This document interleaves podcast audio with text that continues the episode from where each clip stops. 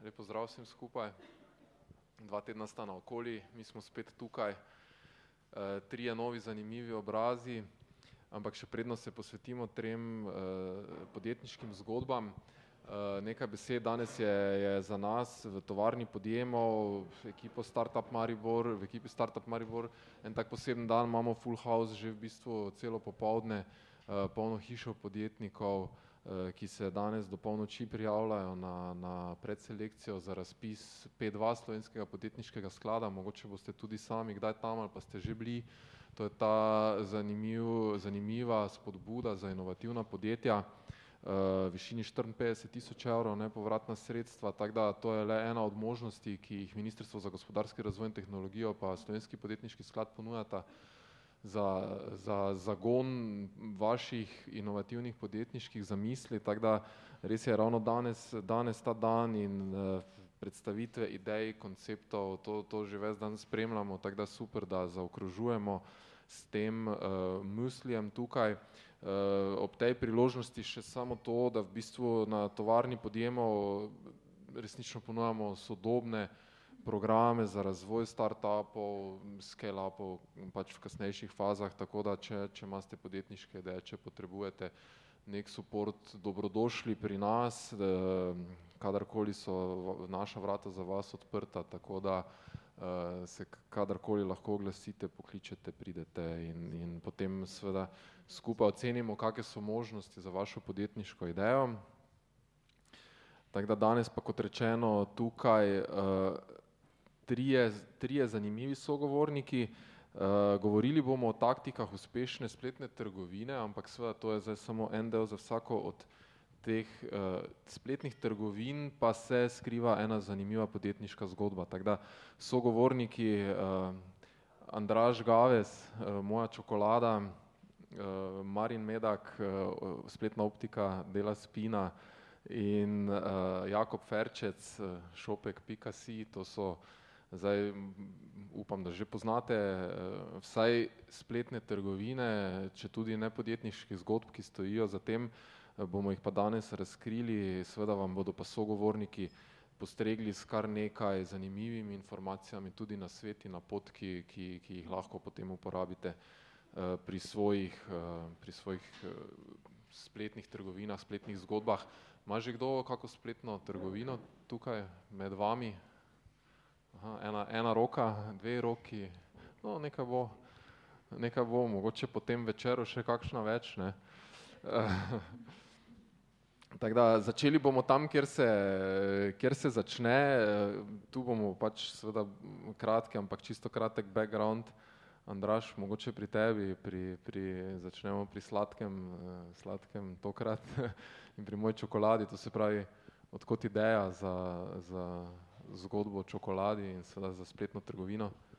Ja, um, mislim, mi smo po mojem najstarejši od uh, teh treh um, spletnih trgovin, imamo že kar nekaj let v bistvu zadevo. Um, mi smo začeli v bistvu, mislim, da enih pet, šest let nazaj, ko praktično marsikera industrija ali pa marsikatero podjetje še ni imeli svojih spletnih strani. Um, tako da v bistvu iz tistega um, tudi izhaja v bistvu sama ideja. Torej, dejansko takrat je bilo malo spletnih trgovin na temo daril, na temo čokolade preko spleta, pa sploh še ne, uh, vsaj v Sloveniji. No. Tako da mi smo videli eno idejo v Nemčiji, um, kjer so imeli v bistvu custom-made čokolado, kjer si si lahko sestavil čokolado po svoji izbiri, torej poklikal vrsto čokolade, napis na čokoladi, dodatke in tako, in to naročil na dom.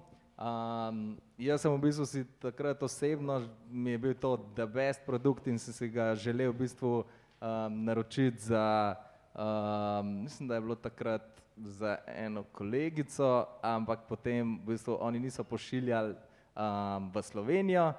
In sem rekel, cool, ok, pogledamo, kaj je na tem trgu pri nas um, in dejansko nobena čokoladnica sploh še ni imela svoje spletne trgovine. Um, tako da iz tega smo v bistvu izhajali, v redu, pa dajmo, mi smo cela ekipa, smo bolj digitalno usmerjeni, um, tako da smo neki digitalci, ki smo imeli prej eno spletno digitalno agencijo. No, tu um, moram malo poslušati, ti si v bistvu bibliotekar, ne? To, to, Um, mislim, jaz vedno govorim v množini, zato ker um, nik, pač podjetje kot tako nikoli ne uspe ali pa niti ne more uspeti samo v jednini. No. Um, kdorkoli, kjerkoli se izpostavlja javno, medijsko, mogoče zaradi nekih lažjih korelacij ali pa za odnose z javnostmi ali pa ker je lažje se identificirati kot kupiti z nekom, ki ti nekdo prodaja. Um, recimo, ampak um, dejstvo pa je, da je marsikdo še v ozadju, pač, ki, ki noče ali pa ni javno izpostavljen. Um, tako da ja, pri nas, pač, nas je kar nekaj že v, v firmi, od oblikovalcev do programerjev, do customer supporta in tako. Um, tako da, ja, vedno v množini in vedno ekipno. Super, super. Marin, kdo je, kdo je, kdo je Marin? V bistvu vemo samo to, da obožuješ kapučino, pa marmeladne rogličke, ne, ampak to, to, to zdaj ni toliko pomembno, recimo v tvoji zgodbi, ne, čeprav te pa povsod polno. Ne. ja, včasih preveč. Um, Dela spina je nastala, ker, smo, mislim, ker sem uh, rasel gor začali, oče ima optiko v Luciji, včasih smo imeli tudi proizvodnjo kovinskih okvirjev in potem je njemu začelo iti zelo slabo. Um, drugi so prišli, pač konkurenca je prišla, začeli so vlagati v marketing, on zna samo zelo dobro očala narediti, ne zna pa se tržiti. Uh, tako da 2014 sem začel pomagati, uh, videl, kako zelo kupcu neprijazna je sama optika, pač ni, nakup se ni spremenil že sto let. Ne? Prideš, probaš okvir, naročiš očala, plačaš, jih imaš in jih nosiš naslednje tri, štiri leta, ker so tako draga. Um, in iz tega je potem nastala uh, Delaspina, imam še eno drugo uh, podjetje, SP, ker delam obeske za ključe, majhne kajake, proizvodnjo imamo na kitajskem in enkrat, ko sem šel na obisk tiste proizvodnje, sem zavil še 600 km severneje v Wenzhou, ker je globalni, globalni center izdelave uh, okvirjev in videl, da lahko za petino cene od tega, kar oče kupuje v Evropi, uh, kupimo tam oziroma naredimo tam okvirje, ki so enako ali pa bolj kvalitetni. Enako je potem tudi z lečami in dejansko danes uh, to kulminira v tem, da lahko naredimo očala za polovico cene kot v običajnih optikah. Do tja še pridemo. Tako da zdaj pa se jaz malo posujem s pepelom, ker sem jaz naredil napako.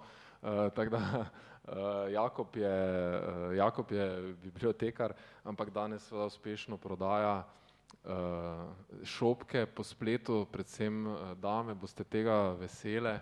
Ravno danes je eno leto, kar se je šopek.si pojavil na Facebooku, ne? zadnje štiri mesece pa ste v bistvu zelo uspešni že dejansko, v bistvu kaj ste pa počeli prej osem mesecev, pa mogoče še malo backgrounda. Ja, najna zgodba je mogoče malenkost drugačna, no skupaj z Aljažem, tukaj v prvi vrsti smo odprla to podjetje. Dejansko najna zgodba ni nastala iz najne potrebe. Imela sva željo nekaj ustvarjati oziroma nekaj narediti, oba dva smo bila prisotna na spletu, pa sva potem naredila en temeljit razmislek. Imela sva možnost tudi dostopati do orodij, kjer sva videla trende na spletu, sva jih tudi analizirala in smo potem iskala tisto nišo, kje je še prostor, kje je kakva branža, ki še ni razvita na spletu in smo potem našla seveda cvetličarje. Pri njih je pač ta specifika, uh, imajo cvetličarno, obsegajo tisti svoj rajon, tukaj se pa bolj ali manj zaključi. Potem smo pa pogledala malo, koliko je iskan, koliko ljudje tega iščejo na spletu uh, in je bilo glede na ponudbo bistveno več iskan kot same ponudbe. Zato so potem iskala koncepte, kako bi stopila na ta trg, kaj lahko sploh ponudiva preko spleta v zvezi s svetličarstvom. Um, malo smo iskala tudi po tujini, uh, sem pa tudi takrat gledal tiste serije, kaj so bile Shark Tank. In je tam bil en svetličar, ki je začel, mislim, da tam okrog leta 2010 v Ameriki, na začetku sicer z velikimi problemi, potem pa mu je zalaufalo in je naredil res eno lepo zgodbo v Ameriki, sva rekla, bomo naredila pa nekaj takega tudi tukaj, ne, se v končni fazi vidimo, da iskanje je, eh, trg je, ponudbe pa ni. Potem sva se torej malo zgledovala potem eh, in sva iz tega potem ven izpeljala eno zgodbo. Zdaj ja, eno leto je od tega, na začetku seveda to je bilo za naj, za naj novo področje, tako da smo nekaj časa tipala, izdelovala koncept, potem ko smo pa videla, kaj točno počnemo oziroma um, s kakšnim konceptom bi lahko šla na polno na trg, to je bilo nekje štiri mesece nazaj, pa so potem štartala res na polno, pa se potem tudi ljudje malo navadili na ta šopek, so ga spoznali, tako da je potem šlo samo še navzgor. Da v bistvu je dejansko problem, ki ste ga identificirala, je pač zelo dejansko se zdaj odzrcalo tudi v popraševanju, ki se pač, ki strmo raste. Ne? Tako. Ja. Dejansko tak plan, kot smo si na začetku rekla, koliko je Slovenija možna preko spleta trenutno naročati šopke, na tej točki so zdaj. Tako da so kar zadelano. Aha, super, zdaj šlo samo še više. Marin, ne, vi ste tudi pač seveda sveži na trgu, prvi odzivi eh, trga kupcev, Ja, 7. januarja smo lončali in zdaj v dveh mesecih pa pol smo naredili približno toliko, kot smo mislili v šestih mesecih. Uh, zelo dobri odzivi so, uh, ljudje imajo radi to, da lahko očala, očala prej preizkusijo, preden jih probajo in dejansko zdaj se glas širi uh, samo od sebe in mislim, če bo šlo tako naprej, bo zelo, zelo dobro ker so vse dobre stvari tri, ne, vi, vi pač ponujate možnost naročila do treh, do treh o, ja. očal z okviri. V ja, bistvu, ja, princip pač je tak, da si ljudje zberejo tri okvirje, ki so jim všeč na spletu. Mi vse tri ugradimo notri njihovo dioptrijo, pošljemo na dom, uh, nosijo en teden očala in šele potem se odločijo, a kupijo ok ali ne. Brez problema vrnejo nazaj tudi vse tri, če jim niso všeč, poštnino tudi v obe smeri plačamo mi, tako da porabniki nimajo popolnoma nobenih stroškov in nobenega rizika ne nosijo. E, še najbolj vi, mogoče Marin, ne, z delospino ste recimo tak uh, pretresli en zelo tradicionalen segment, ne, optike pač poznamo zelo fizično, klasično lokali. E, sva zelo podobno velja tudi za to, kar je rekel Jakob, ne, za, za, za, za cvetličarne. Pa tudi vaša zgodba, Andraš, seveda ni daleč. Ne? Tudi čokolado smo prej pač kupovali na, na drugačen način, ne? kot, uh, kot, uh, kot jo zdaj pač v bistvu na ta način z vami. Kaj, kaj vse je potrebno, recimo, poleg poguma, drznosti, mogoče na začetku, ko reče, zdaj pa, grem, zdaj pa se grem spletno trgovino? Sim nam trenutno ZZS očita nelojalno konkurenco njihovim pogodbenim partnerjem. Ne? pravi drugim optikam.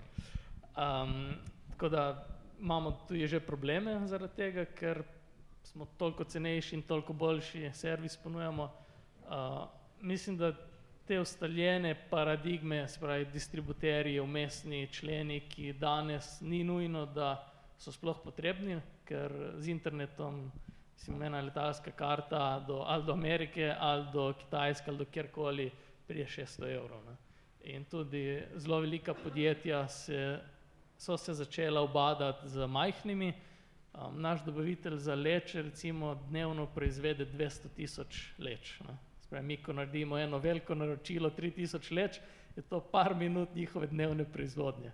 In si sploh ne moreš predstavljati, da bo nekdo tako velik se ukvarjal s tabo, ampak se. Super. Andraš. Ja, se pri nas je v bistvu zelo podobno, kot je Marin rekel, um, vedno moraš iskati neko dodano vrednost ne, um, v, v samem procesu. Um, mislim, tudi pri čokoladi je pač nakupni proces je bil prej drugačen. Jaz se še vedno spomnim tistih prvih naših sestankov s čokoladnicami, kjer so mi vsi um, očitali, da to ne bo šlo, um, da čokolado moraš videti, povohati, začutiti um, in da internet sploh ni za to ustvarjen, da na internetu si lahko mailamo, ampak to je pa tudi to. Um, tako da ja, v bistvu pač te, to so neke te novodobne ali pa spremembe v bistvu nakupnih procesov, um, ki grejo z roko v roki um, z zaupanjem pač potrošnikov v, v ta splet, v bistvu bom tako rekel. Um, je pa dejstvo, da vedno moraš biti malenkost drugačen, unikaten, predvsem pa mogoče kakšen korak pred ostalimi.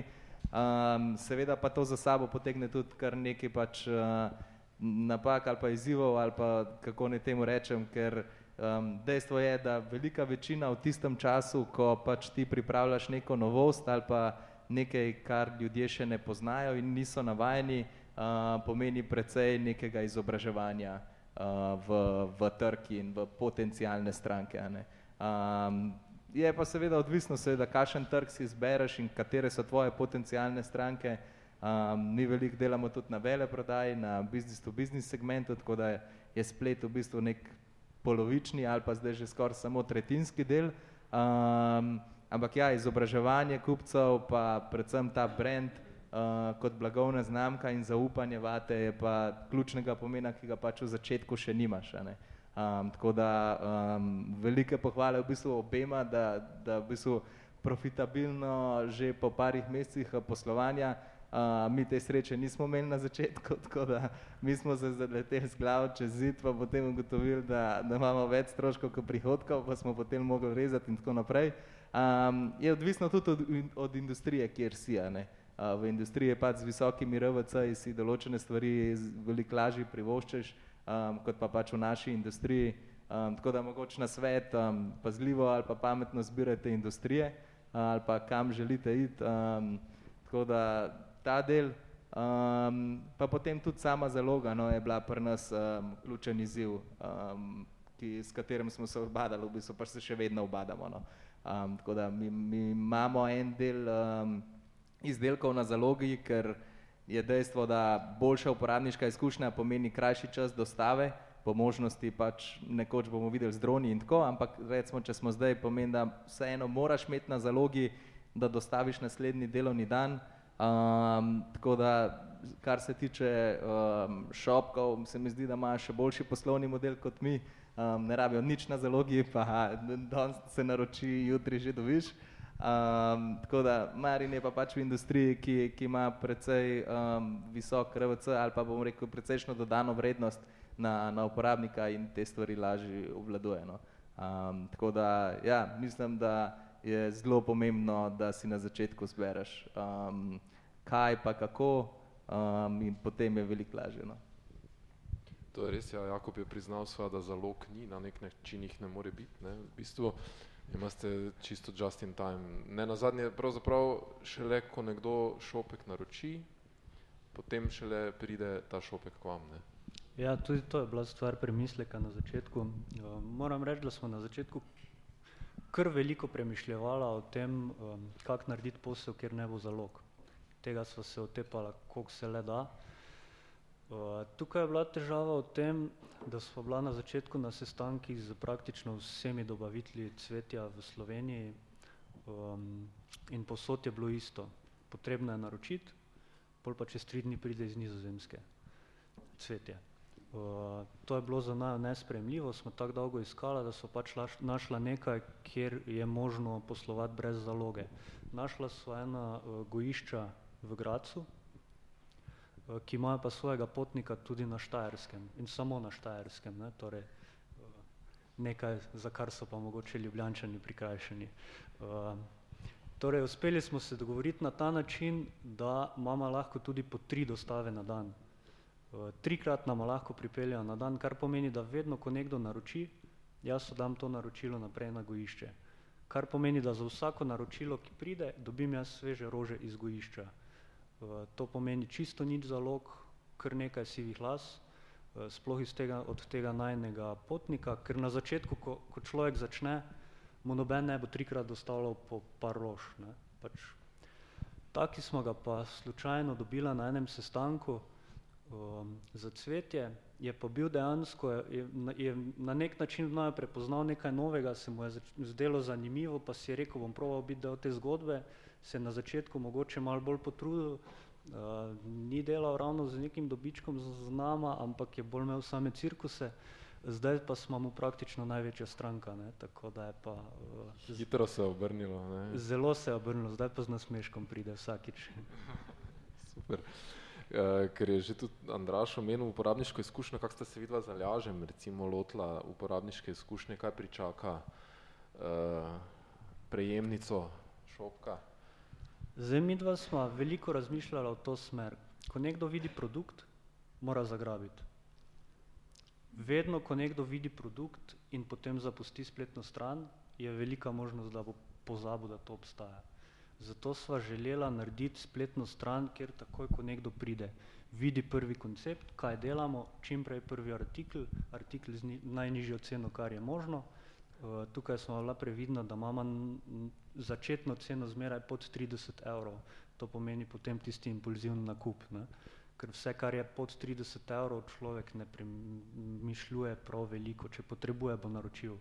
Zato sva tudi gledala, kje je tista prva cena, za katero si lahko privoščiva, potem pa smo razmišljala, ko se nekdo odloči za en nakup, recimo, da je to za 29 evrov, koliko imamo mi dva še manevrskega prostora, da če rečeva še dostava bo zraven toliko, vizitka bo zraven toliko, da človeka ne, ne zgubiš, da si ne reče, ok, mislil sem dati 29, zakaj je zdaj to kar naenkrat 40, ne. Koliko imamo potem še manevrskega prostora, da na, dodamo tiste stroške, ki so zraven, potem da lahko gremo z osnovo toliko nizko, da je še vedno instinktiven nakup, hkrati pa mogoče še kak evro zraven dobiva.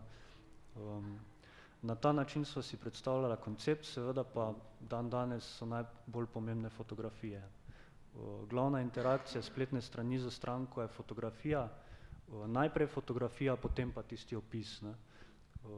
Tako da smo se res trudila z fotografijami, da imamo čim boljše slike, da je slika tista, ki ti v prvem trenutku pove, kaj se bo sploh zgodilo, kaj človek naroča. Ne. Hkrati za to ceno, ki je pod 30 evrov, imamo nekje povprečen obisk na strani dve pa pol minuti, kar sledi do naročila. Že do naročila, ja, Mhm. ja. Okay. Zdaj ja, seveda je veliko tudi takih, ko pridejo na stran, grejo pa se vračajo, ampak v začetni fazi nam je bilo najbolj pomembno, da dobiva človeka že na prvo žogo. No. Vi da računate tudi na bolj redne stranke, recimo, ki pogosteje potem naročajo šopke. Ja, ti so seveda dobrodošli, jih je tudi vedno več, um, to pa je potem posledica tega, da je stranka zadovoljna s celotno izkušnjo. Ne. Uh, tukaj pa potem pride to, da smo res uh, natančni, da vse narejeno tako, kot mora biti, uh, da je čim lepši produkt, pa da se potem vrne. No. To je potem tisti drugi korak, k kateremu stremimo. Ta frekvenca recimo pri vas, Marin, bo bolj poredka, ne? recimo očal ne kupujemo tako pogosto kot ne vem, rože ali pa čokolado recimo. Uh, ja, čeprav smo imeli zdaj že od januarja do uh, danes uh, par strank, ki se je vrnilo in vsem so naročili sončna očala z dioptrijo. Uh, tako da nekaj je, ampak povprečno recimo na tri leta se zdaj menjuje očala, kar pa z našo ceno upam, da bomo znižali. Ampak računamo leto pa pol do dve leti, da bojo uh, ljudje lahko menjavali. Delamo pa potem zdaj sestrsko uh, firmo, uh, ki se bo ukvarjala samo z menjavo dioptrijskih leč. Spravi, kviri načeloma trajajo veliko dlje od tega, koliko se nam dioptrija spremeni. Tako da tisto podjetje bo samo menjavalo uh, leče. Um, je pa veliko tega, no, da recimo zdaj mi targetiramo mlajšo publiko in oni, ki so že kupili pri nas, pol privlečejo starše uh, kupiti. Ne. Tako da ni te ponavljajočih strank ni toliko, ampak uh, če je nekdo zadovoljen, ne pol uh, celo družino zvleče k nam. Lahko ste pa tako kot Apple, pa vsak september izdate nov specialen model.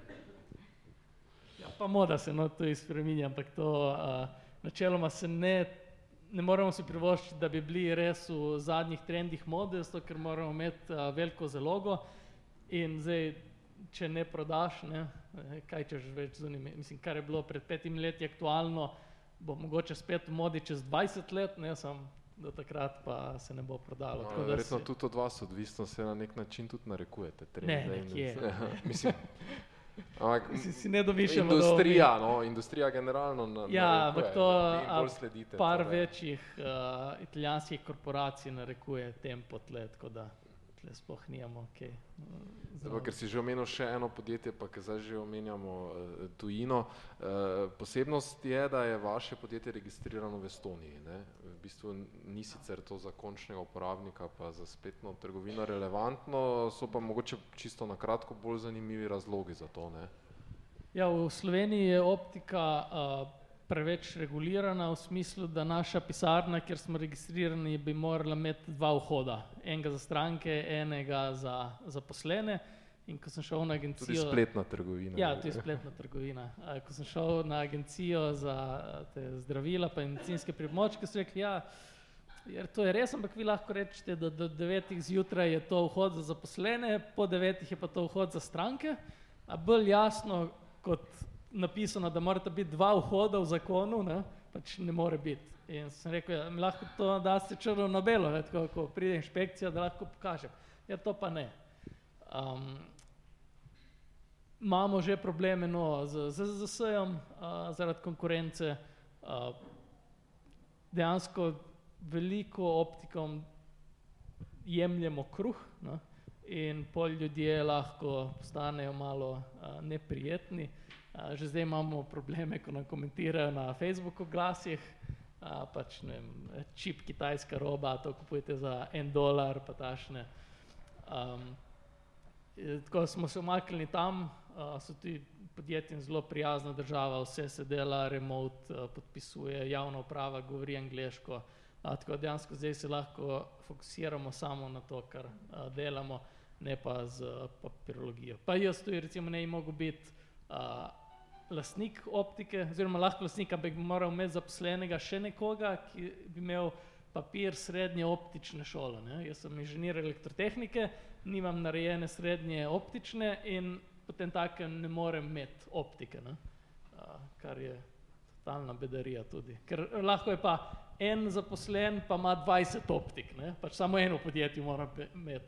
Tako da za uporabnika to ni nobena dodana vrednost, je samo nekaj na papirju.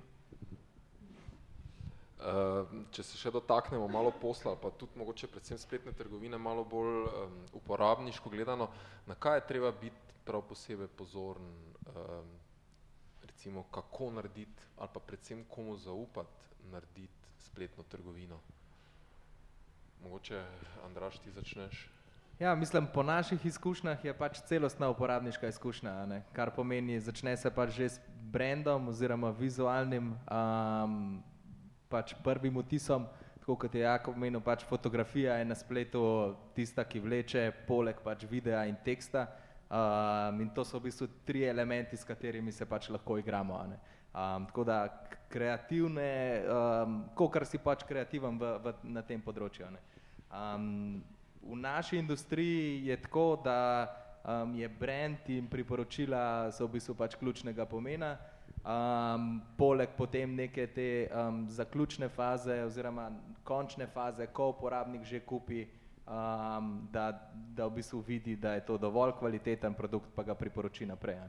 Um, tako da drugače pa pač celostno. Um, težko se, mislim, da vsi trije tukaj um, konkuriramo s ceno, mogoče pač tudi za očala, recimo tretjina cene, ampak konc koncev verjamem, da ima uh, Marin tudi kakšne uh, konkurente kitajske, ki lahko naredijo vem, za 10% cene, um, tako kot imamo mi v naši industriji in tako kot pri šopkih.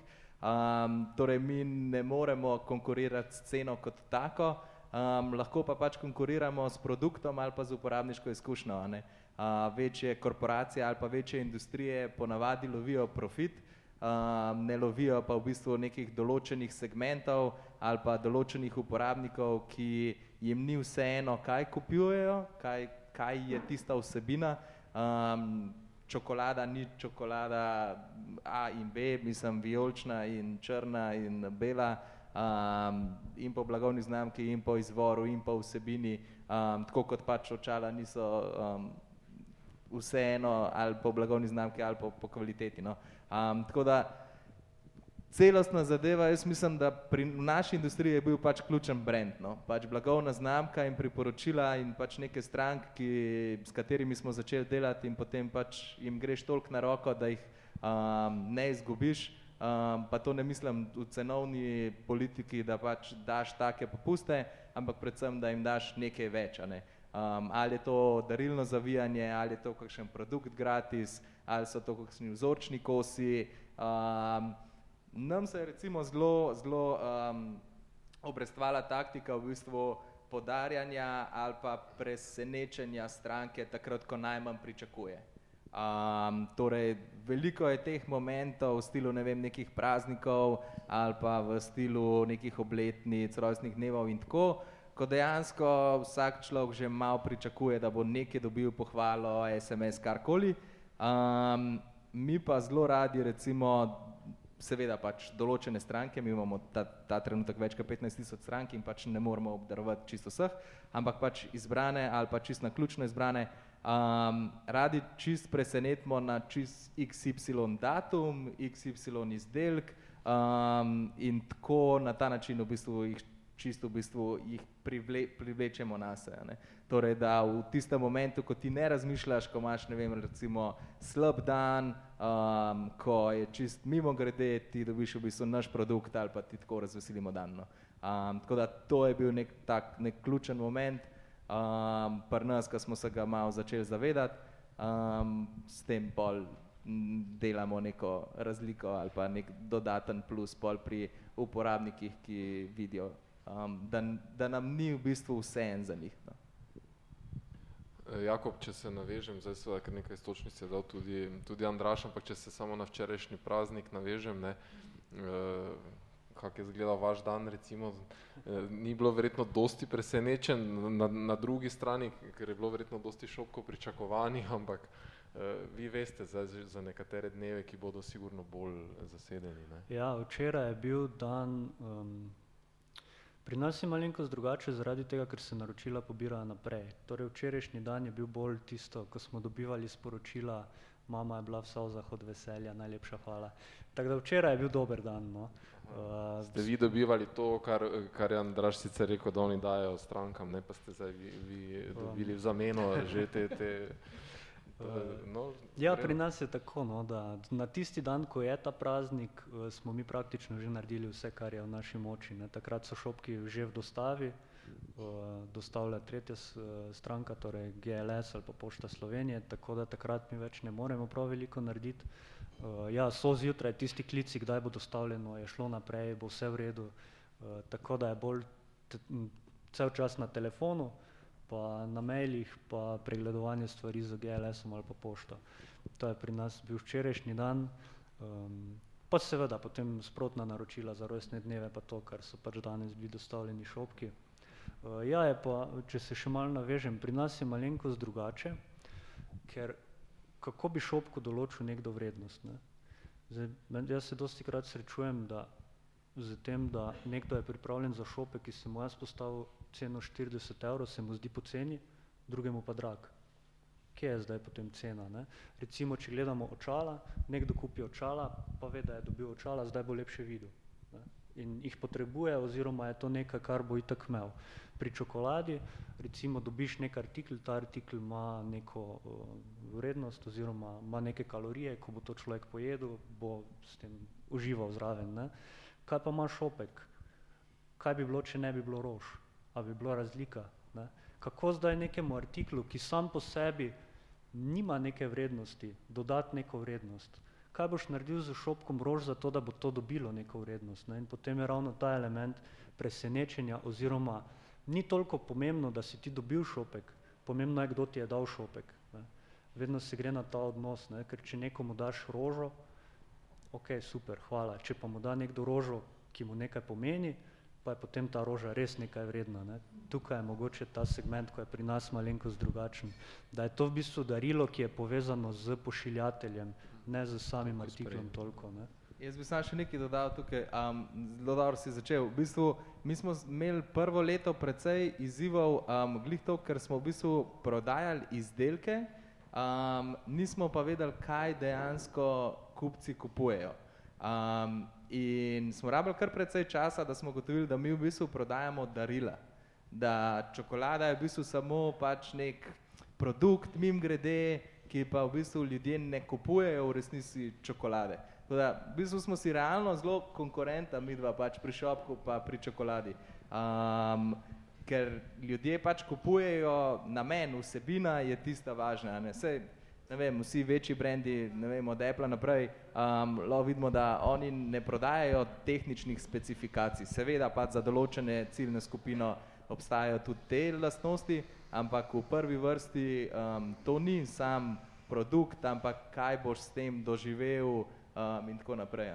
Uh, meni je recimo fantastičen brand mi je Harley Davidson, um, ker ti v bistvu um, ko gledaš reklame ali pa ko, ko pač opazuješ brand uh, skozi potrošniške oči, um, vidiš, kako oni prikazujejo v bistvu veter v laseh, svobodo, um, sploh ne motorja, sploh ne produkta kot takega, ki ga ti kupuješ, ampak izkušnjo in vse drugo prej kot produkt. No.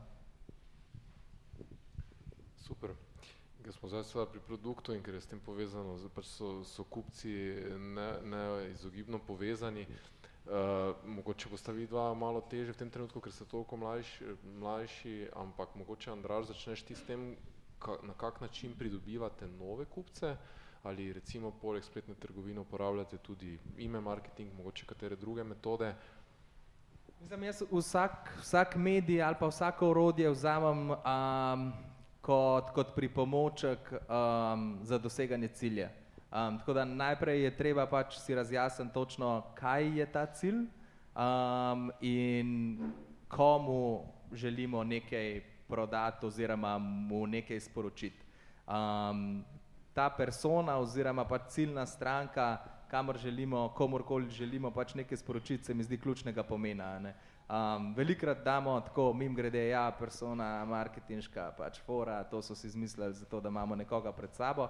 Ampak dejansko se mi zdi to, to neka osnova, na podlagi katere potem zbiramo ostale elemente marketinških orodij. Um, torej od medija do um, orodij, ki jih uporabljamo, to, v bistvu nekak, to mora biti posledica tega, kar smo mi že prej izbrali. Zdaj, če imamo mi za ključno stranko um, ne vem, primer nekoga, ki gleda um, cele dneve televizije in interneta sploh odprene, bomo bolj težko um, karkoli prek spleta prodala. Um, Medtem ko če kdo, odvisno od ciljne, ciljne skupine. Um, dejstvo je, da pač Facebook um, je pač orodje, kateremu težko pobegnemo, um, bolj kot se pogovarjam z ostalimi spletnimi trgovinami, bolj ugotavljamo, da smo vsi nekako um, na pol zaposleni od Facebooka, ker mu pač plačujemo bajne zneske vsi po vrsti. Um, ampak ostala orodja se mi zdijo zelo, zelo taka variabilna oziroma bi si jih mogel vsak prilagoditi samo sebe. Um, tudi spletna trgovina kot taka, imamo veliko različnih pač možnosti za izdelavo spletne trgovine ali pa za produkcijo. Ne. Lahko jo dejansko naredimo v petih minutah, pa bo to povsem solidna, pa bo to, to povsem zadoščala, um, nič ni narobe um, za kaj takega, medtem ko pa, vem, z Marinovo spletno izkušnjo um, kupovanja um, očal si težko predstavljam, da bi on zelo enostavno um, na hitro pač spacal skupaj, pa v enem popodnevu to lansiral. Um, ker uporabniška izkušnja na koncu šteje, kjer si ti izbereš in tako naprej. Um, tako da predvsem je treba pomisliti, kaj, kateri so pač ciljni, ciljna target stranka, pa potem tudi kakšen produkt imaš in kako to dobro povezati. Um, pri določenih stvarih um, bolj tehnične narave je mogoče dovolj že nek tekst, pa drugačna, drugačen način komunikacije, medtem ko pri nekih določenih uh, drugih um, brez videa ali pa brez neke zelo kreativne rabe tudi ne bo šlo. Ne? Um, tako da težko, ni tukaj nekega univerzalnega pravila, um, vsak mora v bistvu bolj, bolj pogledati vase.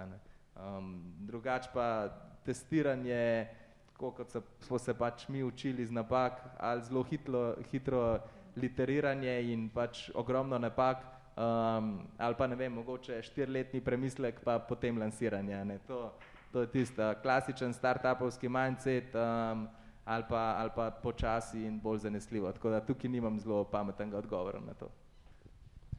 Marin, vi ste se zelo pošolsko lotili seveda cele zgodbe, ne? mogoče boš lahko na kratko tudi kaj o tem povedal, pa tudi marketinško, ne? začeli ste uh, sodelovati z influencerji v bistvu in to, tu ste tudi en zelo dober feedback dobili. Uh, ja, jaz predtem nisem, mislim, v prejšnjem življenju no, sem uh, preveslal Atlantik, pa par drugih mori in se tudi jaz prodaja kot neke vrste influencer, pač sem bil sponzoriranec od podjetij ampak uh, nisem si mislil, dokler nismo zdaj začeli sodelovati uh, z influencerji na Instagramu, da imajo lahko te ljudje tak velik doseg in tak velik vpliv. Um, nas pač do sredine februarja smo imeli eno, maksimalno dve naročili uh, na dan.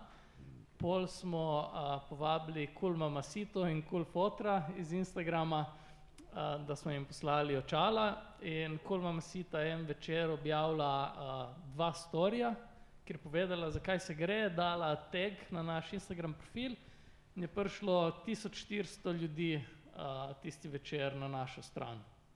Um, čez dva tedna je Kulfoter uh, vlog objavil in je bilo 2000 pa nekje. In dejansko pol so začeli ljudje prihajati tudi fizično, v pisarni Ljubljani imamo razstavni prostor, tako da tudi iz celja so se pripeljali fizično, mama in hči, da so kupile očala, ker so videli na Kulma Masite na Instagramu. No? Uh, tako da to me čisto impresioniralo. Recimo, če bi jim prej rekli, da bi moral plačati tisoč ali pa dva tisoč evrov za to, da bosta ona dva nas objavila, bi rekel, da si ti na glavo padel, ne? zdaj bi z veseljem se mi zdelo poceni. Um, res je neverjetno, kak velik uh, potencial je. Sicer zdaj spet zelo specifično, kaj prodajaš. Uh, ampak mi smo en tak izdelek, ker oglašujemo itak na Facebooku, ne, ampak ne moremo targetirati, kdo nosi očala in kdo jih ne nosi, ne, ker pač to ni Še. po. Ja, še je. Mislim, če bi imeli kakšne Drug teden boste lahko tudi to targetirali. recognition za fotke, ne, ampak uh, tako je zelo splošna uh, zadeva. Tako da ni pa dela spina zgolj spletna optika. Ne. Um, naš namen, cilj je tudi čisto fizične optike imeti.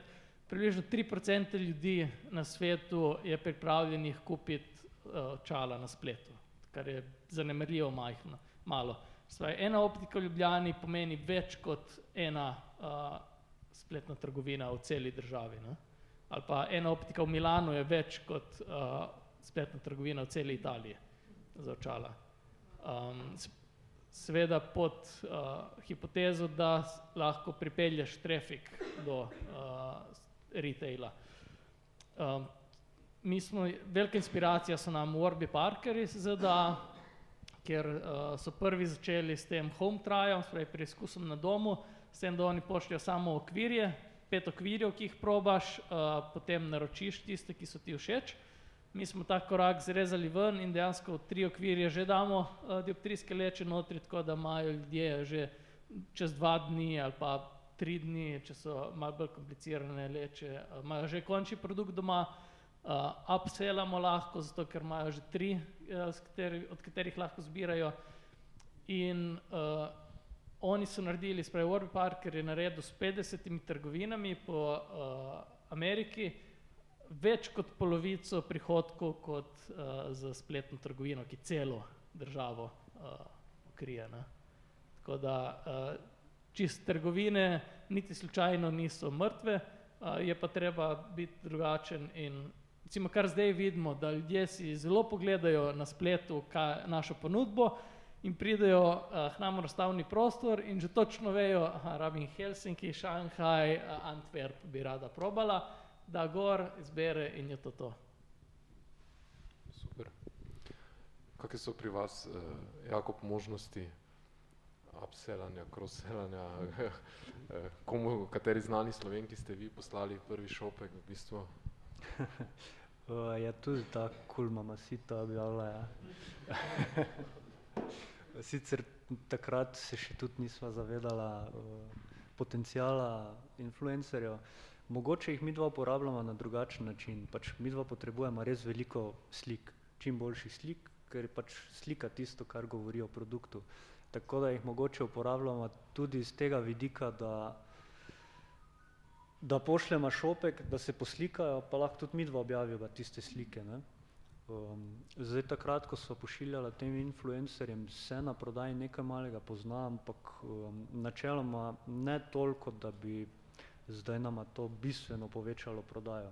Slike, ki jih dobimo, pa če jih potem na pravi, pravi način promoviramo, pa potem močno povečajo prodajo. Tako da pri nama je vse usmerjeno res v fotografijo. Um, mogoče ravno zaradi tega, ker ljudje uh, si ne znajo tega predstavljati, ker mi dva v bistvu ne pošiljava toliko šopkov ampak cel paket. Ne. Torej, ko stranka dobi to darilo, je tukaj zraven lepa embalaža, na določen način zapakiran šopek in bolj kot si ljudje znajo to predstavljati, več je tudi naročil. Zdaj recimo, če na tej sliki recimo se dobro vidi, na kak način smo želeli predstaviti produkt od začetka do konca. Torej, mi naredimo šopek, šopek je narejen, potem v naslednji fazi stranka vidi, kako ta šopek izgleda, in zraven je škatla, na kateri je še šopek, torej da si zna predstavljati, kje bo pa to za, zapakirano. Torej, ena taka slika, v njej je premislek, naj deluje, um, naj ima slika življenje, naj deluje gibljivo, zraven je oseba, ki zdaj ravno nekaj dela, uh, sicer to smo delali pet minut to sliko, tako da ta šopek ni ravno ona delala, tudi a bomo kleščat ja postavili, smo jih potem dali, da da še nekaj življenja v tisti kos slike, zraven en šopek, ki je drugačen, da se vidi recimo, da lahko nekdo naroči in vrtnice in recimo marjetice, hkrati pa zraven škatla, da si potem zna nekdo predstavljati, na kak način pa to dejansko pošljemo. In bolj kot na neki sliki ujamemo cel potek neke zgodbe, večjo težo ima potem taka slika, ne. Zdaj influencerji so pa potem tisto, da predstavijo, joj, kako je bilo fajn, ne. Tisti še zadnji element mogoče. Nam so recimo uh, influencerji pol, mislim, zelo pomembni tudi z vidika social proofa, ker očala so še vedno medicinski pripomoček, ki oči so samo ene, ne, in ne zaupaš tega glih komurkoli. Tako da na začetku smo imeli predvsem zaradi uh, toliko nižje cene tudi probleme, ker so se ljudje spraševali, a je to kvalitetno, ne, a zdaj si bom pokvaril uh, vid, a bo razpadla čez uh, par minut. Uh, tako da potem s tem, ko so objavljali na YouTubu, ko so pisali bloge, dejansko, ko gre nekdo googlat, vidi, uh, da so drugi že to uporabljali mogoče sam še dodal na, na Jakobo, ta dizajn pa sam izgled v bistvu se mi zdi res ključnega pomena, no, oziroma mogoče tudi ena izmed zadev, kjer lahko močno dodajaš pač svojo vrednost, no. A, mogoče iz a, praktičnih izkušenj, Um, mi smo lani, se spomnim, sredini leta, polet je naša ne sezona, pa imamo bolj preveč časa, pa se bolj ukvarjamo z bedarijami. Um, smo recimo delali um, oceno, um, kar precej v bistvu anket pa ocen v praksi, kako izgled vpliva na, na dejanski nakup. Um, in smo gotovili, zdaj ne bom šel v detajle, ampak mogoče samo ena izmed um, takih posrečnih zadev je bila, da, um, ker sam nisem mogel verjeti, da v bistvu izgled pa dizajn um, embalaže na že tako na preprost v bistvu produkt, kot je čokolada, je zelo močno vplival na zaznavanje okusa samega, same čokolade. Torej v praksi je pomenil, da lepši kot je bil dizajn, pa lepo kot smo oblikovali, pa kakršna je bila embalaža, dejansko je uporabnik, ko je to sprobaval, probal samo vsebino te čokolade, je zaznal totalno drugačen okus, kot pa v neki drugi embalaži. Um, tako da se, mogoče to so pač te gost, gostinske fore, a ne, če ti da še en metin listič gor, pa ne vem, pire, da ni zdaj um, na žlico, ampak tako lepo kranclan in ena pikca jagode še zraven, je to mnogo boljše kot uh, brez, ampak um, dejansko to, to funkcionira, no, vsaj v tem našem kulinarični industriji uh, z, z nekim senzoričnim okušanjem um, se to zelo poznano. Um, verjetno tudi pri vama pač dizajn zelo vpliva na cel produkt. Ja, mi smo šli škatlo recimo razvijati. Tako smo dizajnirali, ki je zdaj zelo instagramabilna. Ne? In uh, ko se pač odpre, je nekaj posebnega, um, uporabljamo jo tudi za pošiljanje tja in nazaj, tako da tudi nekaj ekološko um, in je kar zadetek. Uh, mislim, nismo si predstavljali, da bo veliko več pohval na embalažo kot na sama očala. Ja, mogoče še ena poslovna priložnost. V bistvu. uh, uh, Andraš je že omenil recimo to, ta odnos do, do strank, uh, pa tudi sicer me zanima programi zvestobe, so kje aktualni recimo pri, mogoče predvsem pri vas, ne? Andraš je povedal, da zna pocartati svoje, svoje stranke. Uh, mi ne dajemo popustov, Uh, mislim, popusti so recimo, če na enem preizkus, če se kupi drug par očal, uh, ampak ne gremo pa v popuste tako, pač za pospeševanje prodaje ali pa lojaltija. Skušamo dati, uh, mislim, že, že to, da nekdo preizkusi tak izdelek, ko so očala brez, ki so čisto custom narejena, ne, za točno tisto osebo, um, mi investiramo precej uh, denarja v to, da nekdo samo preizkusi. Tako da mislim, da že tle dajemo zelo veliko dodano vrednost in to dejansko cenijo ljudje. Jakob. Mo, mo, mogoče samo ena, um, kar se tiče pač teh nekih točk zvestobe, pa pik, pa teh variant. Um, mi smo precej variant preizkusili, uh, v praksi se je nam izkazalo, v bistvu, da bolj kot popusti, seveda pač logično določene akcije še vedno užgejo brezplačna poštnina in te variante, um, z omejenim rokom trajanja in ob določenih um, doziranju. Uh, ampak bolj kot to um, smo se naučili v bistvu, da brezplačni vzorci, brezplačna čokolada. V našem primeru je to veliko lažje delati, uh, verjetno kot pa brezplačna očala zraven dajati. Ne? Uh, ampak um, pač neke te malenkosti, neka pika na i, um, v, v našem primeru veliko bolj zažge kot pa ne vem, dodaten 5% popust. Jakob, deset na mesto devet vrtnic, recimo, šok, um. ali kaj druga. Eh, načeloma še niso o tem prav veliko razmišljala. Eh, mogoče je res dobra ideja, da poskusiva kaj takega. Ne, spopusti pa niso še nikjer eh, na ta način. Hitro bo kakva priložnost, verjetno, tako da boste lahko preverila. Ne, Tam se... je všeč ena vrtnica zraven. No. Uh, koliko pa se ukvarjate z optimizacijo spletnih trgovin svojih in na kak način? Raštim ti kot, z eh, optimizacijo v stilu iskalnikov ali uporabniške ja, izkušnje? Ja, ja, predvsem v, v stilu iskalnikov, recimo, zdaj koliko je še to pomembno v kontekstu, na kak način vas sploh stranke najdejo in če je to pomembno, tako da predvsem eh, z optimizacijo. Ja, mislim, mi še vedno imamo več kot tretjino prometa, um, imamo prek organskih iskalnikov, um, je pa dejstvo, da v bistvu je brand tisti, ki pač prednjači tukaj, ne? Um, ne, ne v samem trafiku ali pa v številu iskanj, ampak v, bolj v samih konverzijah.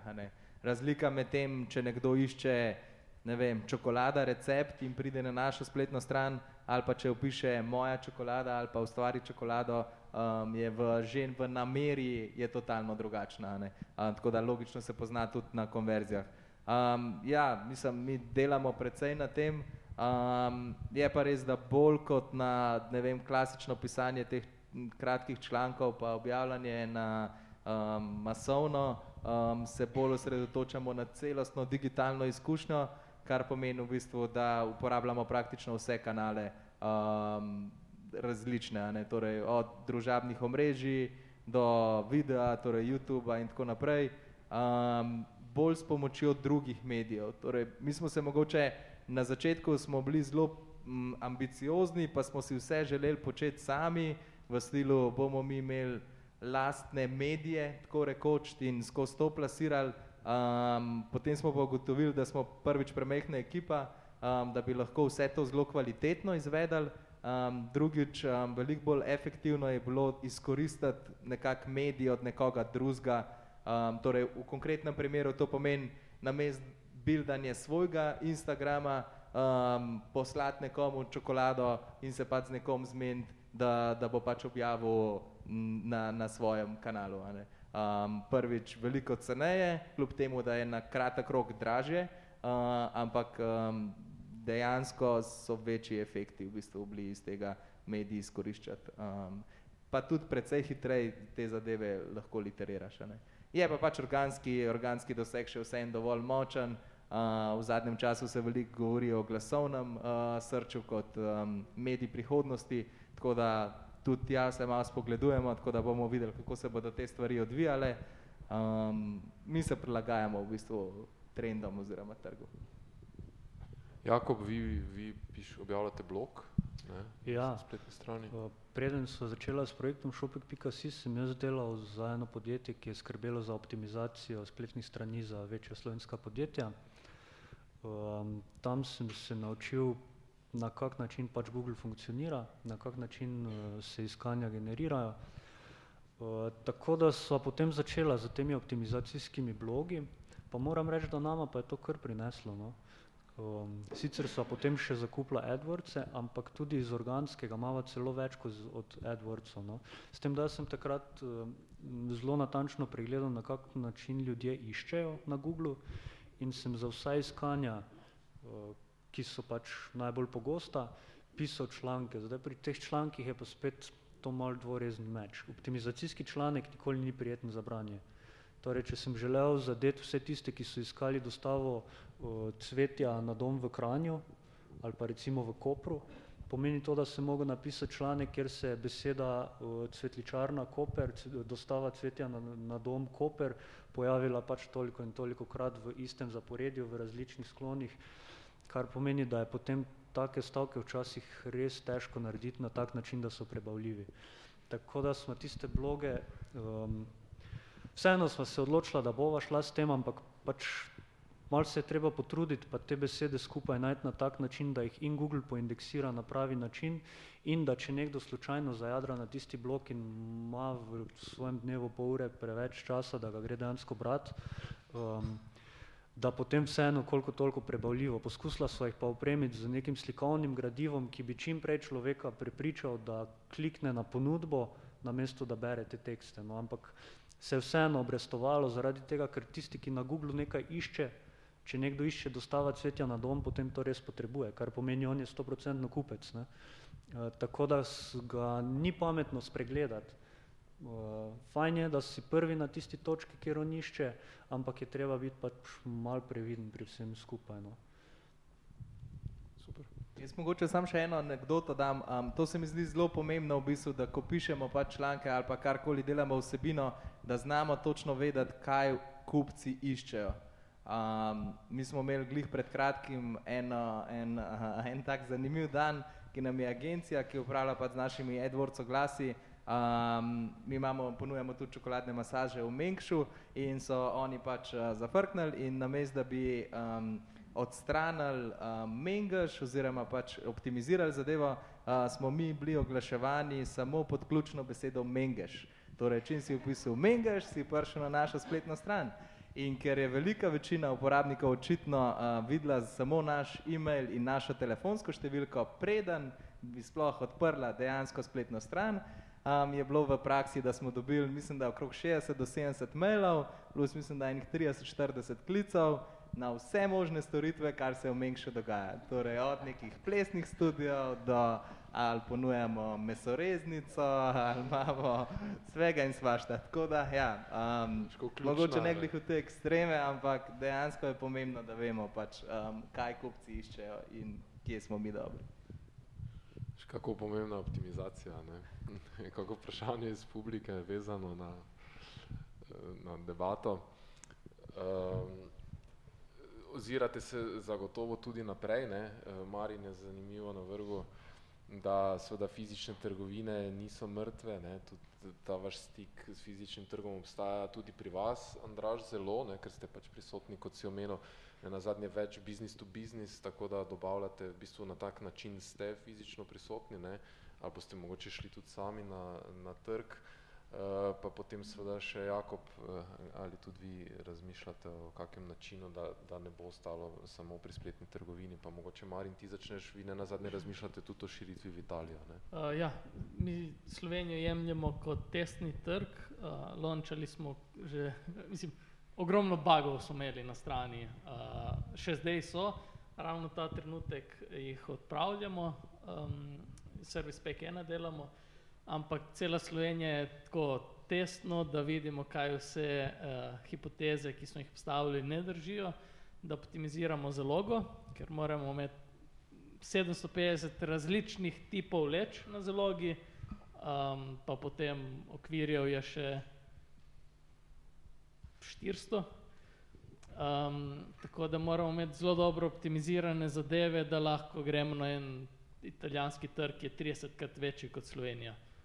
S 1. julijem odpiramo čistko proper showroom na Kersnikovi Ljubljani, ker zdaj se treba najaviti, pa moram jaz iti s kartico na vhod odprt, ker je mogoče samo vstop s kartico, tako da to ne dela še čisto enostavno, kot bi si želeli, z julijem bo.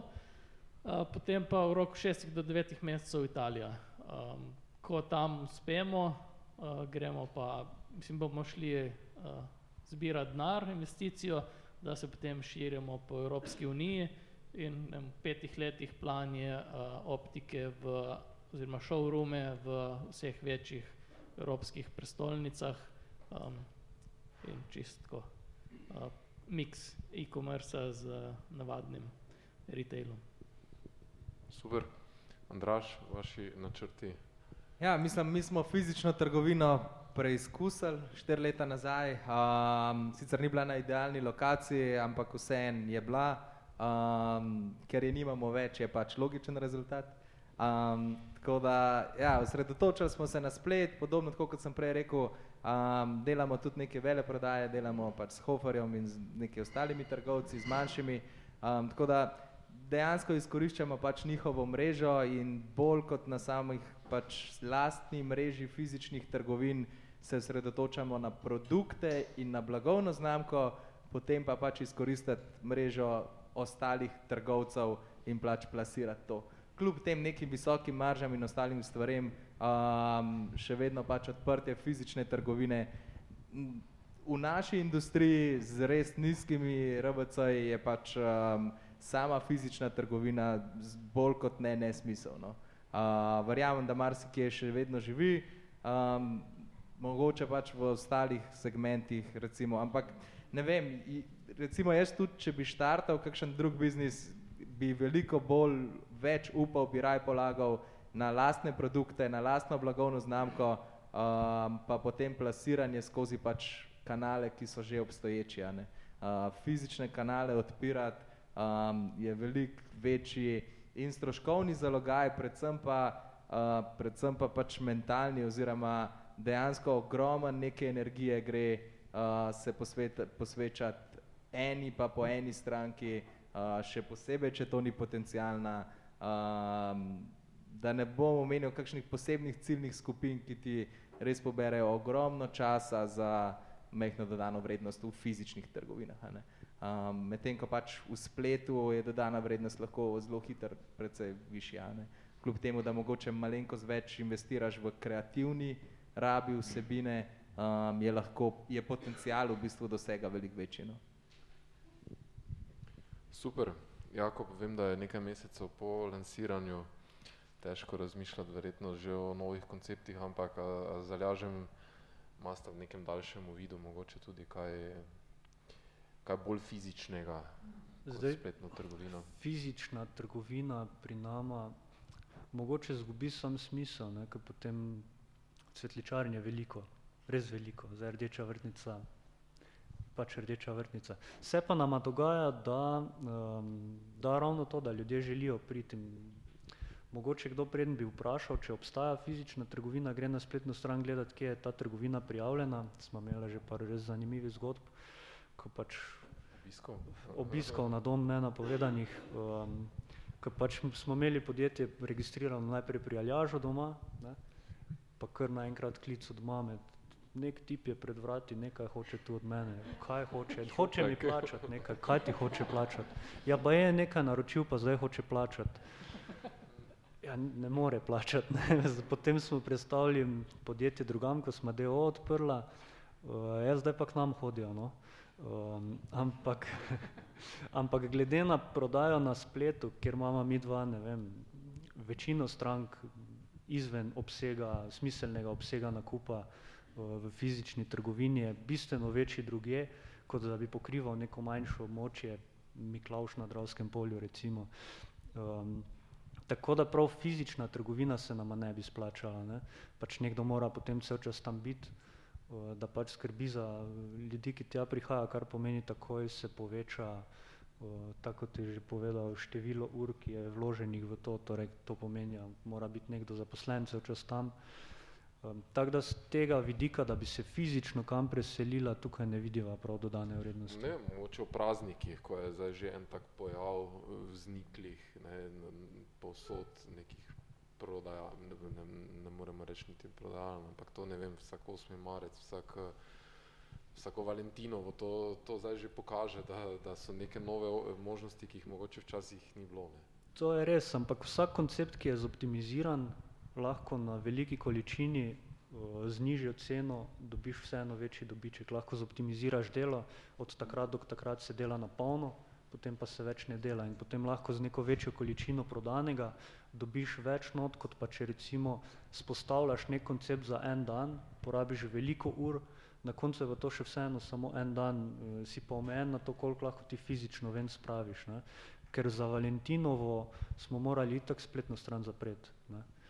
Uh, zakaj bi potem si delal še en kanal, da bom še tistega potem zaprl, ne, uh, ker za Valentinovo se nam je povečala prodaja za štiridesetkrat, ne, potem smo pa zaprli, ker drugače bi se še bolj, pač fizično nismo bili sposobni, uh, pač s kombiji smo vozili, to so čisto polni kombiji teh škatel, um, nas je malo presenetilo, v glavnem za Valentinovo je vsem Slovencem, ki želijo imeti rdeče vrtnice, to enostavno nemogoče ustreči.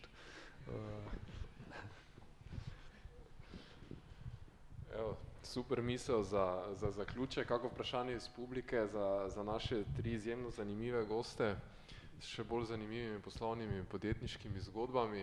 Evo, eno vprašanje. Malo... Dve vprašanje, eno za Marjana.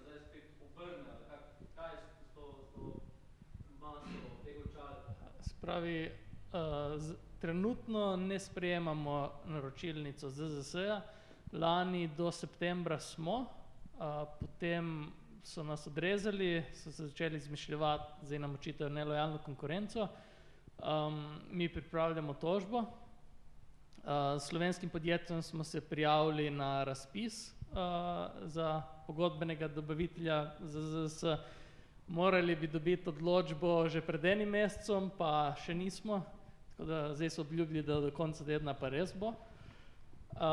ko to dobimo, bomo še petdeset procentov cenejši, kot do zdaj, se pravi, mislim, nekateri ljudje ne bojo rabili plačati nič, zato pa še petdeset evrov bo ostalo državi, zato da dobijo zelo dobra očala, za katere bi morali v optiki doplačati ene štiristo evrov recimo. Naročil trenutno nimamo še toliko veliko, kakor imamo veliko zalogo, tako da to obračanje tule še kar v Sloveniji ne bomo obrnili vsega tega, to šele, ko bo v Italijo šlo. smo pa zdaj recimo že videli zelo dobro, da eni modeli so res zadetek, tako da smo, tri mesece rabimo od naročila, dokler ta, okvirje dobimo, tako da že zdaj smo recimo, dali za deset okvirjev dodatna naročila, ker pol minimalno naročilo je tristo kosov na model, to se dela nekaj časa, zato da bomo bolj pripravljeni za Italijo. nekaj jih vrne vse tri, večina jih kupi enega, deset oziroma dvajset odstotkov kupi, dva, malo kot tri, tri do pet procentov pa kupi vse tri. tule se recimo pozna zelo velika razlika, a nekdo nosi kontaktne leče ali ne, pač oni, ki nosijo leče, kupijo samo ena očala, ker imajo tista pač, ko ne nosijo leč, ne, tisti, ki imajo visoke dioptrije, to je nad štiri pa pol nad, pet, oni kupijo načeloma dvojna, zato ker imajo ena za rezerve, za rezervo in tudi tam dejansko največji prihranek, imajo kupci, zato ker še vsem recimo očala, običajna tam, to, kar ima večina ljudi, mislim, večina mladih od 20 do 30 je minus ena, minus tri. In tašna očala pride v optiki recimo 180 evrov plus, če se ne preseravaš glih z okvirji, ampak uh, ko priješ enkrat tam minus pet, pa to hitro prije na 400 evrov. In pri nas so 149, tako da dejansko tam ta prihranek teh 50 pa plus procentov je že kar neki denarja v absolutnem smislu, zato uh, smo veliko ugodnejši za tiste. A na drugi pa tretji par date popust? Uh, ja, drugi par je 20 evrov, uh, popusta tretji 30, uh, z netočno tisti določen home try, ne, spravi na preizkus, ni tako, da bi lahko še enkrat naredil preizkus, pa dobil pol za druga uh, 20 evrov popusta. Pol date popust. Ja, ja, mislim, dajemo popuste za, uh, ne na prvega, ne, pač prvi so vedno, uh, kakor so, um, na preizkus pa ja pol. Še kako, eh, še eno vprašanje?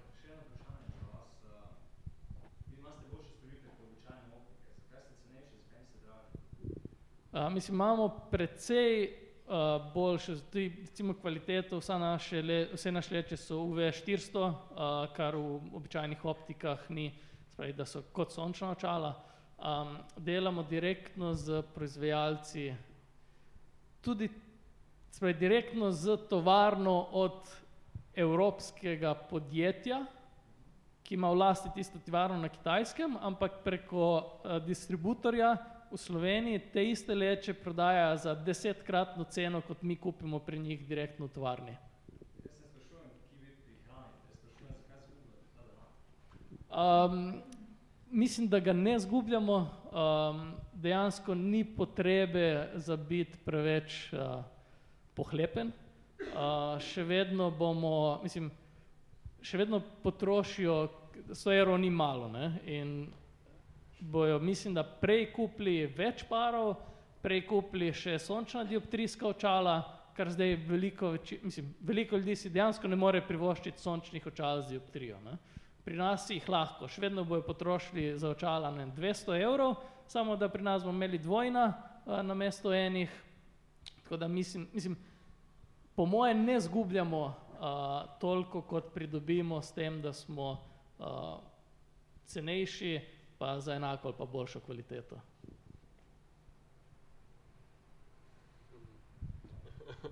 Bo pa, bo, mislim, To je, uh, sprej, so tudi cenejši, mi sploh nismo najcenejši. Tudi v Sloveniji se lahko kupi dioptrijska očala prek spleta za 35 evrov.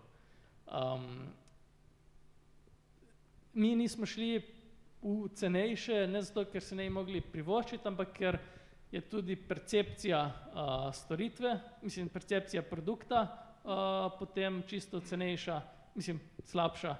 Um, dražje, vedno lahko gremo na dražje. Mislim, lahko gremo potem z očali, damo posebno linijo ven, ki so titanium, uh, pa tam kupce pol in ponudimo dražje uh, izdelke.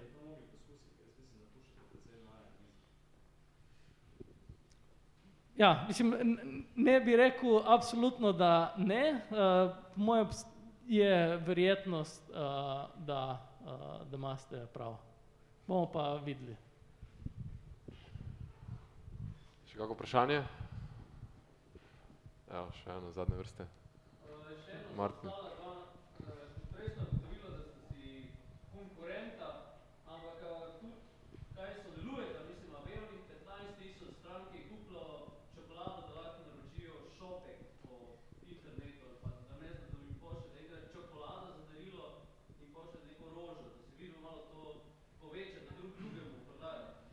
Glede na to, da sva se danes spoznala, mislim, da je kakšen potencial sodelovanja. Sva bila že na kavi prej. Evo, zametek no, novega poslovnega sodelovanja, tudi to se zgodi na mislju. Še kako vprašanje?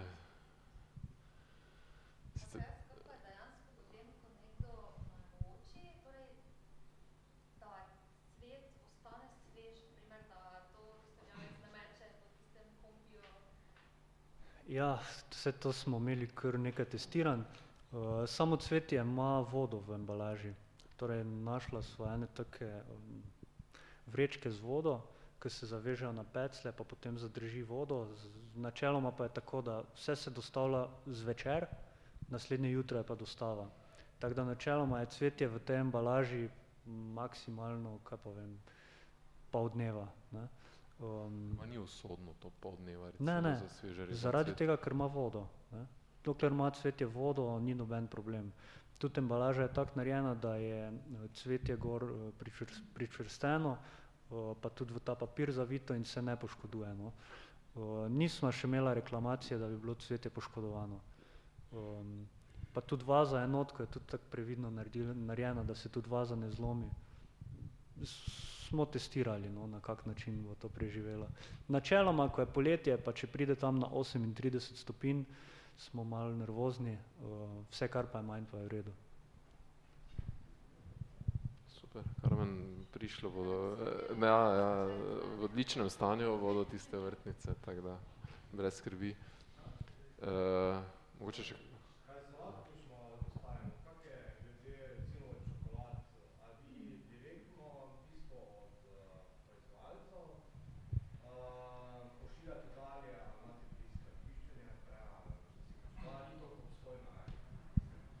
Ja, mislim, um, mi smo tako nekje pol-pol. Imamo polovico prodaje imamo z zalogo, torej z izdelki, ki jih imamo na zalogi, ki so lahko na zalogi, še vseeno so sveži, kar pomeni tam nekje rok enega tedna, dveh, um, toliko zaloge držimo.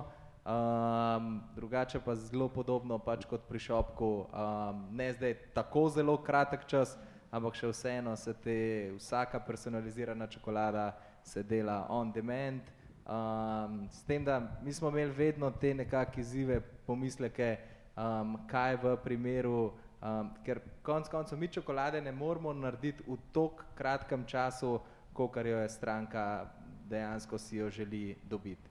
Um, mi večinoma imamo želje ali pa prodajo za darila, um, največ strank si pa že spomni za darilo praktično zadnjih pet minut. Tako da um, želi darilo dobiti danes, zdaj, takoj um, pošli in jaz dobim.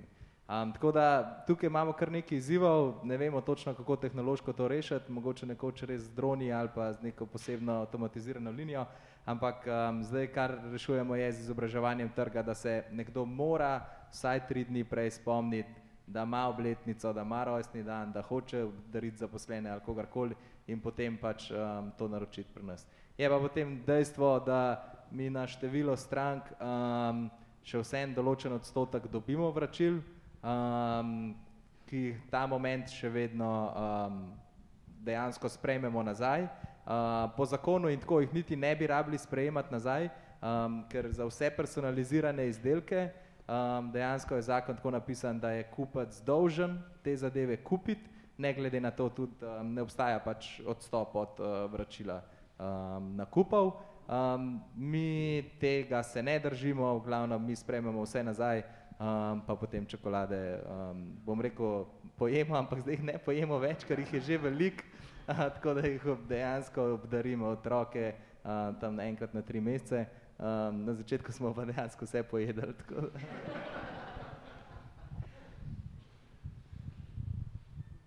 To je velja enako za očala, ne? dejansko uh, tudi če kupiš preko interneta, trgovec, ki ti jih bral, ni, ne rabi ti vrn denarja, če se premisliš. In recimo te uh, spletne trgovine, spletne optike, ki so do zdaj prodajale v Sloveniji, imajo vse tak princip, da ti vrneš, lahko vrneš očala, ampak oni ti dajo denar samo tistih par evrov, kolikor stane okvir, pač leče pa moraš plačati. Ne? In mislim, da mislim, že v tujini se je to pokazalo, da ne gre skozi smo pa imeli zgodbo za dan žena, ena stranka oziroma punca ni hotela sprejeti paketa, ne vem, kaj sta imela, v glavnem zavrnila, v glavnem je zavrnila in me kliče iz GLS-a, iz pisarne, da vidi, da je tukaj bilo eno, da je nekdo zavrnil.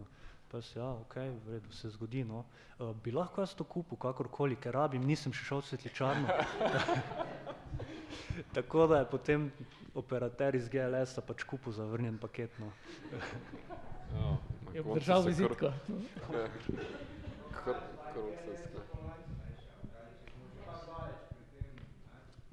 GLS je tehnološko um, v primerjavi z Pošto Slovenije res, res naprej. Uh, zdaj ja, mogoče sama kvaliteta dostave bi bila recimo tukaj, tukaj, uh, ampak GLS je edini, ki mi garantira, da bojo vsaj probali oziroma da bi naj naslednji dan bilo dostavljeno. Ne. Torej, če jaz do 11. ure oddam na GLS-u, bo naslednje jutro dostavljeno. Dočim pri pošti ni nujno. Uh. Mi tudi z GLS-om pošiljamo, recimo problem pri nas, pri pošti je bil, da ne morejo, ko ljudje vračajo, uh, mi ne moremo dobiti sledilne številke od onega paketa, ko oni vračajo ne? in pa si ne moremo kje dosti pomagati. Ja, na pošti smo imeli eno res zanimivo izkušnjo, ko so zdaj šla oddajati in so prišla zadaj v skladišče, ko smo jih malo presenetila z malo večjo pošiljko za vikend in je vklopila računalnik in smo pet minut čakali, da so se Windows Vista odprli. Mi imamo malo drugačno izkušnjo s pošto. No. Mislim, predvsem mi se osredotočamo na stranke in po naših izkušnjah so še vse stranke se nagibajo k pošti, še vse je to pač najlažji uh, način. Ne vem, jaz sam tudi tako osebno uh, preferiram pošto, te paketni dostavljalci, um, vsake tok pride v paket v redu, vsake tok ne. Je pa res, da Um, včasih je bilo to um, res katastrofa, zadnje čase pa tako, tako sta sam še GLS pa DPD um, konkurenta nekako na slovenskem tržišču, tako da sta te dve opciji um, dostaveno. Ja, tudi recimo je odvisno pošta, ko pošlješ prek pošte, ni nujno, da dejansko pošta tudi dostavi paket, uh, to gledajo na težo pa na storitev, ampak tudi oni zdaj vedno več teh zunanjih izvajalcev, um, uporabljajo, kar je pa res katastrofa, posto, ker pošte same, uh, spravi službenci na pošti, če nekoga ni doma, ko jim ta zunanji uh, izvajalec pripelje to, so full problemi. Torej, je res odvisno, kaj, mislim, če kot pisansko pošiljko pošiljaš, pa kot paket, pa kašen je. Ja, jaz sem rekel tudi, da odvisno od produkta. Mislim, pošta še vseeno ima opcija, da ti greš na lokalno pošto, nam to zelo lepo pride prav v poletnih mesecih, um, ko dejansko ne pošiljamo čist na dom, ampak pošiljamo na najbližjo pošto. Torej, dejansko je dostava v tvoj kraj, um, ker sicer se čokolade pač stopijo.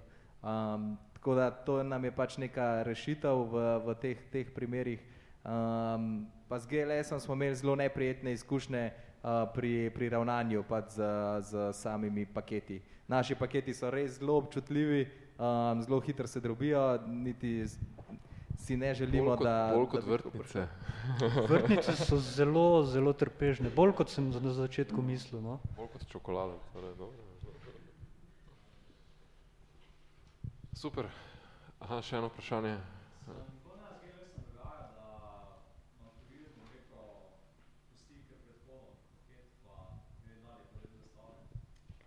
Lih danes se je enkrat zgodilo, mislim, da se prvič zgodilo, da so postav, v paketomat dali, pa niso nobenega obvestila uh, pustili. Ja, ja. Um, uh, manj smo imeli neprijetnih izkušenj, kolikor sem pričakoval. Dejansko smo, tudi mi smo najprej šli do pošte, ker še vedno je to standard v Sloveniji, ne? ampak ker nam, naše pošiljanje je vedno tja in nazaj ne? in pač ta nazaj res nimajo pošlihtano, tako da ni druge opcije kot GLS in je manj problemov, kot smo uh, pričakovali. Še vedno jih je, ampak uh, mislim, tudi paketi se odpirajo vsake toliko. Uh, do zdaj je bil samo en, da se je odprlo, pa da enih očal ni bilo več. Uh, na srečo so pa pač zavarovani do 200 evrov uh, vsi paketi. Super. Če ni vprašanj, se gostom zelo zahvaljujem za za današnjo odlično večer, za, za super debato. Mislim, da je bilo tudi kar nekaj zanimivih informacij za vas. Če še kogarkoli želite kaj poprašati, ga lahko podsukate za rokav. Sicer pa prihodni torek tukaj spletne urice, Tadej Muršič bo pripravil eno zanimivo delavnico o produktnem dizajnu v praksi, tako da dobrodošli. Mi se vidimo pa spet čez dva tedna na enem super mislju, tako da hvala vsem za udeležbo in lep večer.